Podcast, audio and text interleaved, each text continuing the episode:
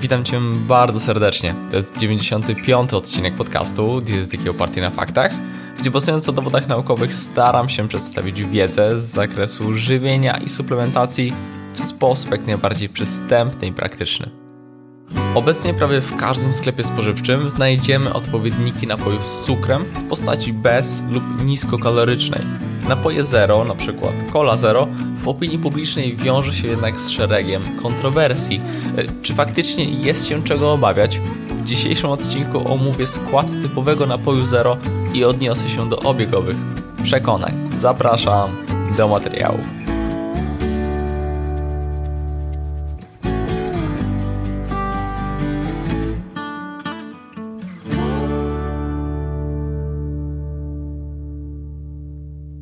Całkiem niedawno zreflektowałem się, że nagrywałem materiał o aspartamie, o zamiennikach cukru oraz o napojach energetycznych, ale nie nagrałem dedykowanego odcinka o napojach zero, typu cola zero czy różne napoje light. Nadrabiam więc to niedopatrzenie i taki materiał realizuję, a przy tym y, już na wstępie zaznaczam, że w opisie zostawiam linki do wspomnianych odcinków o energetykach, o słodzikach czy konkretnie o mm, aspartamie, do czego będę się jeszcze odnosił.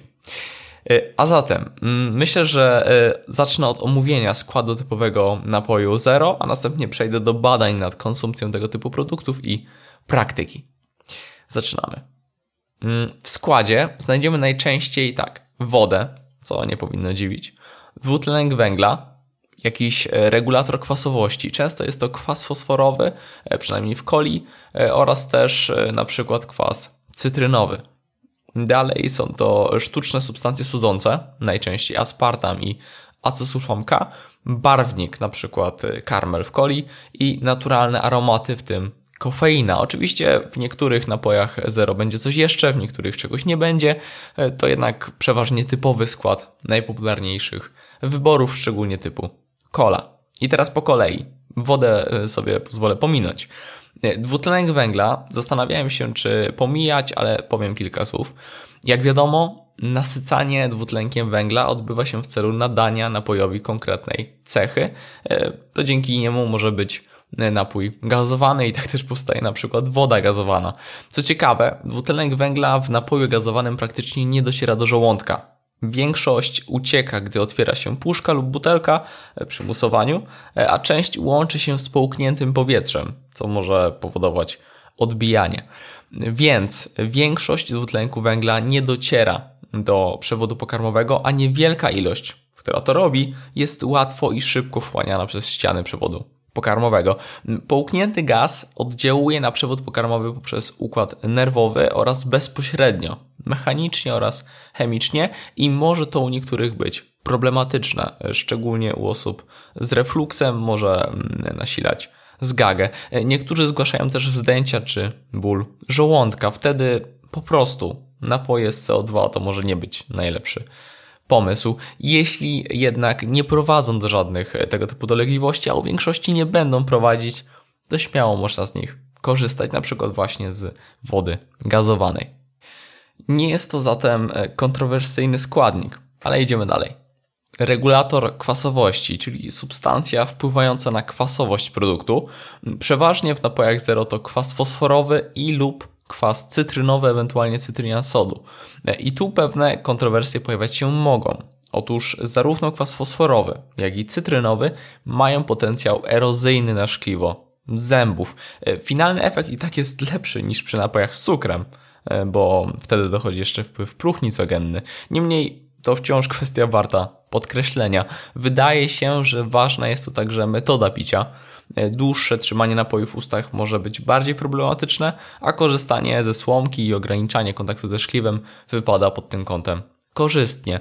Zwraca się też uwagę na nieszczotkowanie zębów w krótkim czasie po kontakcie właśnie e, kwasu ze szkliwem. Więc aspekt szkliwa jest elementem istotnym i negatywnym w kontekście e, omawiania napojów typu cola. Zatrzymując się jeszcze przy kwasie fosforowym, zwraca się uwagę na sam fosfor, fosfor, podobnie jak wapń zresztą, stanowi podstawowy składnik kości i zębów, jednak e, jego nadmierne spożycie może zaburzać przyswajanie innych składników mineralnych, m.in. właśnie wapnia, ale też żelaza, miedzi, magnezu czy cynku. Rekomendowane dzienne spożycie na fosfor wynosi 700 mg e, zarówno u kobiet, jak i u mężczyzn dorosłych. E, natomiast e, dopuszczalny górny limit spożycia to 3000 mg na dobę. I wspomniane wcześniej 700 mg niezwykle łatwo jest dostarczyć z dietą, bo fosfor powszechnie występuje bardzo powszechnie występuje w żywności i jego niedobory zdarzają się bardzo rzadko, naprawdę rzadko w wyjątkowych sytuacjach, na przykład w, przy niedożywieniu. Warto jednak zwrócić uwagę na e, jego formy. Istnieje forma organiczna, taka naturalnie występująca w żywności i w produktach pochodzenia odzwierzęcego czy roślinnego, która cechuje się niską biodostępnością na poziomie od około 20 do plus minus 50%. Tymczasem forma nieorganiczna, czyli jako dodatek do żywności, jest przyswajalna znacznie, znacznie lepiej w ponad 80%. To sprawia, że pod kątem na przykład zaburzania e, przyswajania innych składników mineralnych, to forma nieorganiczna jest znacznie bardziej kłopotliwa. Puszka coli zawiera około 50-60 mg kwasu fosforowego. Dużo, niedużo, zależy kto ile pije. E, I tak nawet istnieją dowody, że wysokie spożycie napojów typu cola wiązać się może z hipokalcemią, czyli niedoborem wapnia, co może być związane ze zwiększonym ryzykiem złamań i mniejszą gęstością mineralną kości, szczególnie w niektórych e, narażonych grupach, na przykład u osób z niedoczynnością przytarczyc. E, co oznacza duże? Ciężko podać konkretną wartość, ale w opisywanych w piśmiennictwie przypadkach Duże spożycie obejmowało konsumpcję codziennie co najmniej jednego, dwóch litrów coli. Niektórzy autorzy sugerują, że generalnie spożywanie omawianych napojów należy traktować jako niezależny czynnik ryzyka niedoboru wapnia. W praktyce, moim zdaniem, spożycie raz na czas nie powinno być problemem zupełnie. W szczególności, jeżeli dbamy o odpowiednie spożycie wapnia z dietą, ale faktycznie regularna, codzienna, wysoka konsumpcja już potencjalnie może. Ok, sztuczne substancje słodzące. Jak wspomniałem, o aspartamie nagrywałem cały dedykowany materiał i tam też trochę mówiłem o napojach zero, więc część y, będzie się powtarzać, ale mimo wszystko tam aspartam rozkładam na części pierwsze, więc bardzo zachęcam do wysłuchania. W skrócie to podsumuję, że aspartam w dopuszczalnych dawkach jest bezpieczny, na podstawie rzetelnych dowodów naukowych możemy stwierdzić, że nie jest rakotwórczy ani toksyczny u ludzi. Nie musimy się też obawiać wpływu na insulinę czy inne podobne kwestie. Y, o acesulfamie K mówi się mniej i to też jest ciekawe, że opinia publiczna tak bardzo przyczepiła się aspartamu, mm, a to w rzeczy samej jest najlepiej przybadany sztuczny słodzik. Niemniej, mm, acesulfam K został zatwierdzony przez Europejski Urząd do Spraw Bezpieczeństwa Żywności już ponad 20 lat temu. Również y, dla tego słodzika istnieje ADI, a więc dopuszczalne dzienne spożycie, które no, nie powinno być przekraczane. Przy okazji myślę, że mm, nagram kiedyś odcinek lub napiszę tekst y, o tym, jak działa mm, Europejski Urząd do Spraw Bezpieczeństwa Żywności, jak wyznacza się takie ADI, jak wyznacza się maksymalne dawki, które producenci mogą stosować do swoich produktów, czy zdarzają się błędy, bo się zdarzają, E, oraz e, jak podejmuje się na przykład aktualizację e, i dlaczego sformułowanie na podstawie aktualnych dowodów jest takie ważne i tak dalej.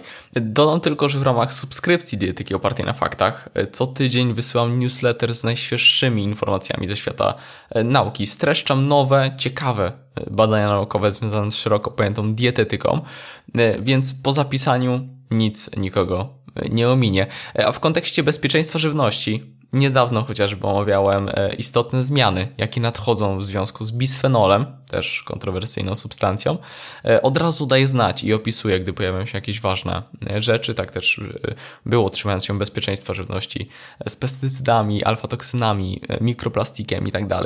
W wersji premium jest dostęp do archiwum i bazy wiedzy.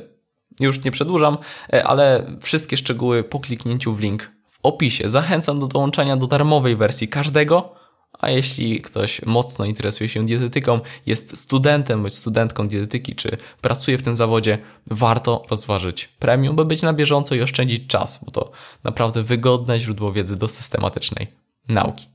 Wracając y, i przeliczając na y, ADI, to dla osoby o masie ciała 70 kg, by zbliżyć się do ADI, trzeba byłoby wypić ponad 4 litry coli zero, podobnie z aspartamem, tam to nawet ponad 5 litrów coli zero, a więc wartości bardzo mało realne do osiągnięcia i przeważnie spożywane są dawki znacznie mniejsze.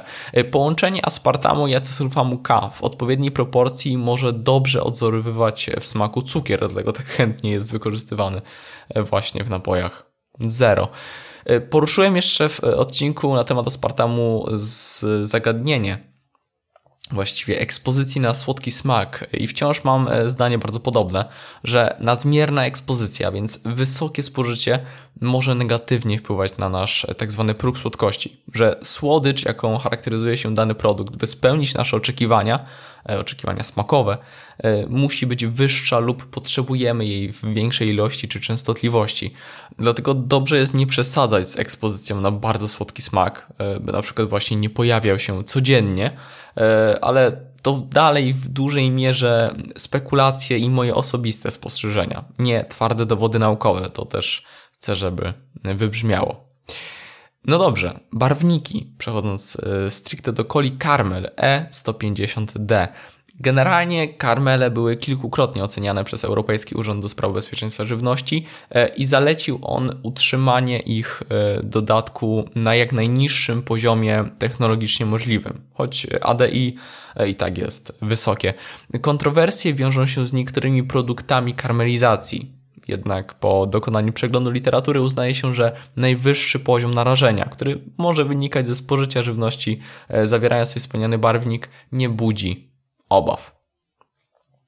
No i pozostaje jeszcze kofeina, która może poprawić koncentrację czy zmniejszyć odczuwanie zmęczenia, o ile oczywiście nie jest spożywana w zbyt dużych dawkach. Ogólnie uznaje się, że przyjmowanie kofeiny poniżej 400 mg na dobę jest bezpieczne dla dorosłych osób, choć faktyczny próg bezpieczeństwa zależy od indywidualnych czynników, takich jak genetyka, stan fizjologiczny czy stan zdrowia. Przykładowo bezpieczna dawka dla kobiet w ciąży jest znacznie mniejsza. E, mm, u dzieci na przykład wynosi 3 mg na kilogram masy ciała, co przy masie ciała 40 kg to 120 mg, a więc prawie czterokrotnie mniej niż u osób dorosłych, a więc to zależy. E, w 100 ml napoju zero znajdziemy przeważnie plus minus między 10 a 20 mg e, kofeiny. Więcej jest w napojach energetycznych, ale przy takiej coli w puszce znajdziemy średnio 40 do 60 e, mg kofeiny. Nadmierne spożycie kofeiny może prowadzić natomiast do problemów z układem nerwowym, lęków e, czy gorszej jakości snu.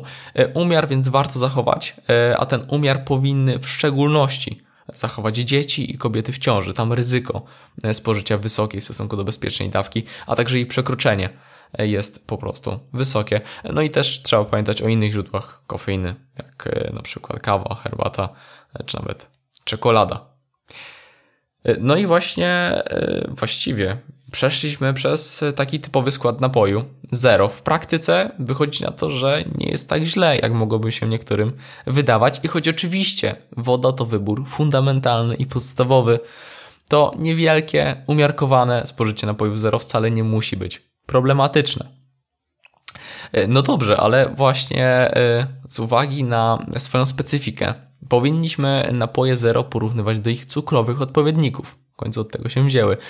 Pod kątem zdrowia napoje zero to definitywnie lepszy wybór. Przez brak dodatkowych pustych kalorii, bo oprócz energii z cukru nie dostarczamy żadnych wartościowych składników odżywczych oraz z uwagi na negatywny wpływ cukru na m.in. próchnicę, ale i w nadmiarze na ryzyko nadwagi i otyłości przez łatwość konsumpcji płynnych kalorii. A z tym powiązane są już znacznie szersze konsekwencje i z gospodarką węglowodanową, i z układem sercowo-naczyniowym i tak Dalej. Badania powtarzalnie wykazują, że wymiana napojów słodzonych cukrem na napoje zero zmniejsza spożycie energii i pomaga w redukcji masy ciała. Istnieją nawet e, ograniczone dane, co ciekawe, że napoje zero wypadły lepiej przy odchudzaniu niż wymiana na wodę. Prawdopodobnie z uwagi na swój słodki smak, który może ograniczyć chęć na podjadanie. W praktyce więc można podejść do tego w ten sposób, że jeśli spożywamy napoje z cukrem, ich wymiana na napoje zero będzie bardzo korzystna. Jednak napoje tego typu wciąż dobrze jest spożywać z umiarem, raczej okazjonalnie. Co to znaczy?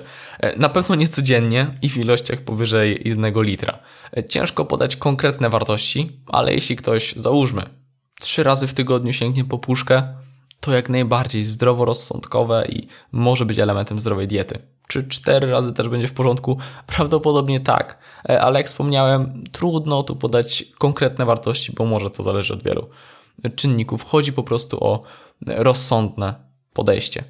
Podstawowym płynem spożywanym w ciągu dnia powinna być oczywiście woda, o której skądinąd też jest podcast. E, do niego również zostawię link w opisie. No i co? Tyle. E, mam nadzieję, że ten odcinek okazał się wartościowy. Tymczasem ja się żegnam. Do zobaczenia. Do usłyszenia już niebawem. Hej!